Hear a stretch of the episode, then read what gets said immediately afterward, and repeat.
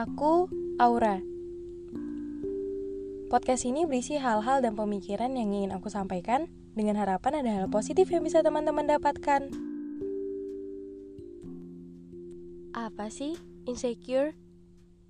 Secara singkatnya, itu adalah perasaan tidak aman, takut, dan khawatir. Dan muncul biasanya karena merasa banyak kurangnya dan malu. Terus, gimana caranya biar tahu kamu itu lagi ngalami itu atau enggak? Yang pertama, bisa dimulai dari ketidakpercayaan diri kamu terhadap diri sendiri. Gak pede sama diri sendiri. Merasa terlalu banyak kurangnya dibanding kelebihannya. Yang kedua, terus-menerus membandingkan diri sama orang lain. Dan yang ketiga, memiliki ketakutan berlebih terhadap kelebihan yang dimiliki orang lain. Dan yang terakhir, jadinya sulit untuk mengapresiasi orang lain karena merasa kelebihan orang lain akan menjadi ancaman bagi dirinya. Oke, kita mulai ya. Gini-gini. Menurut aku pribadi, insecure itu sebenarnya wajar dialami. Yang gak wajar itu kalau terlalu lama dan gak menghasilkan sesuatu yang positif. Malah jadi sebaliknya. Aku menganggap insecure itu adalah bagian dari proses mencintai diri sendiri. Logikanya, kalau kalian mau ke tempat tujuan yang kita ibaratkan mencintai diri sendiri, otomatis akan melewati banyak jalan, kan? Jalan-jalan itu berisi kekurangan dan kelebihan kamu. Jadi, singkatnya, semakin mengenal diri sendiri, juga semakin paham bahwa kamu punya kekurangan dan kelebihan. Analoginya gini, di proses mencintai diri itu ada yang namanya langkah untuk mengenal dulu.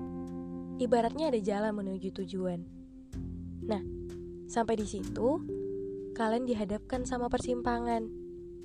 Ada dua jalan yang bisa dipilih. Jalan A berisi tentang daftar kelebihanmu. Jalan B berisi tentang daftar kekuranganmu. Pasti kamu berpikir bahwa jalan belah yang menyebabkan rasa insecure tadi. Iya enggak? Jawabannya salah. Jalan A dan B bisa membuat kamu merasa insecure juga. Loh, kok jalan A juga?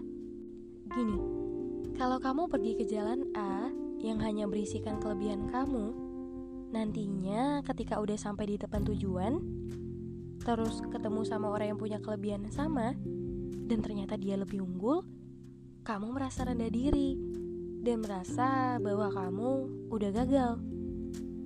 Itu insecure jalan A. Terus kalau tentang kekurangan, kamu merasa terlalu banyak kurangnya. Tujuannya udah di depan mata, tapi kamu merasa bahwa kamu gak pantas. Akhirnya, diam di satu titik Padahal tinggal mendorong pintunya. Pintu mencintai diri sendiri. Oh, jadi kalau misalnya mau mencintai diri sendiri itu harus insecure dulu. Bukan, maksudnya tadi kan ada dua jalan untuk mengenal diri. Nah, untuk sampai ke tujuannya, yaitu mencintai diri sendiri, itu bisa aja berubah menjadi perasaan insecure. Nah, kalau enggak, Melewati jalan A dengan kelebihan tadi itu membuatmu mengenal bahwa oh, ternyata aku punya banyak kelebihan juga loh. Dan secara singkat akan berubah menjadi love yourself, menerima diri sendiri. Melewati jalan B juga akan begitu. Akhirnya juga akan sama, yaitu menerima dirimu. Insecure bisa jadi adalah bagian dari proses menerima diri bahwa kamu juga punya kurangnya. Terlalu tahu lebihnya dibanding kurangnya juga nggak baik. Akhirnya merasa bahwa akan selalu di atas. Ketika ada yang bersebelahan, kamu menganggap itu sebagai ancaman dan merasa nggak aman. Singkatnya, jalan A dan jalan B sama-sama memungkinkan untuk kamu merasa insecure. Makanya, aku bilang kalau itu wajar. Tapi yang gak wajar ketika kamu gak bisa menerima semuanya. Tapi kalau udah menerimanya, ketika kamu bertemu dia yang jauh lebih cantik, kamu akan paham bahwa, oh, kelebihannya adalah fisiknya. Kelebihanku bukan di sana, tapi di tempat lain.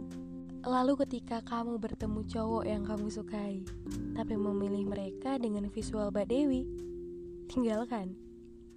Jalan mundur, lalu maju ke tempat ia yang tak memilihmu dengan syarat fisik. Dan hak mereka juga untuk punya pilihan untuk memilih yang ganteng ataupun yang cantik. Gak ada yang salah, hanya perlu ditempatkan dengan benar. Ketika bertemu dia yang punya nilai yang bagus banget, kamu juga akan sadar bahwa, oh, akademik bukanlah sesuatu yang menjadi nomor satu di daftar kelebihanku. Tapi dia punya itu. Ketika bertemu dia yang punya banyak bakat, sementara kamu hanya seseorang yang selalu mendapat nilai bagus. Akhirnya, setelah menerima, kamu akan sadar bahwa banyak bakat bukanlah kelebihanmu dan itu kelebihannya. Tapi nilai yang bagus itu kelebihanmu dan bukan kelebihannya. Ketika kamu bertemu dia yang punya kelebihan yang sama denganmu di bidang seni misalnya, tapi ternyata dia lebih unggul. Kelebihan bisa bertemu dengan kelebihan. Gak ada peraturan tentang kekurangan harus bertemu dengan kelebihan. Kelebihan bukan harus menjadi nomor satu, bukan? Insecure itu bukan hanya melibatkan perasaan kamu tidak menerima diri sendiri, tapi juga ketika kamu gak bisa menerima orang lain. Tujuanmu adalah mencintai dan menerima diri sendiri.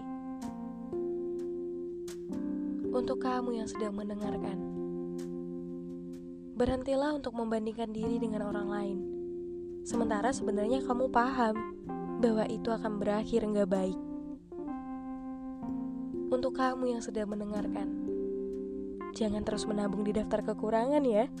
Ambil pena lalu tulis kelebihan untuk mengimbanginya. Untuk kamu yang mendengarkan, berhentilah menjadi nggak waras hanya karena ia yang kamu cintai, memilih ia yang kelebihannya kebetulan bukan kelebihanmu juga.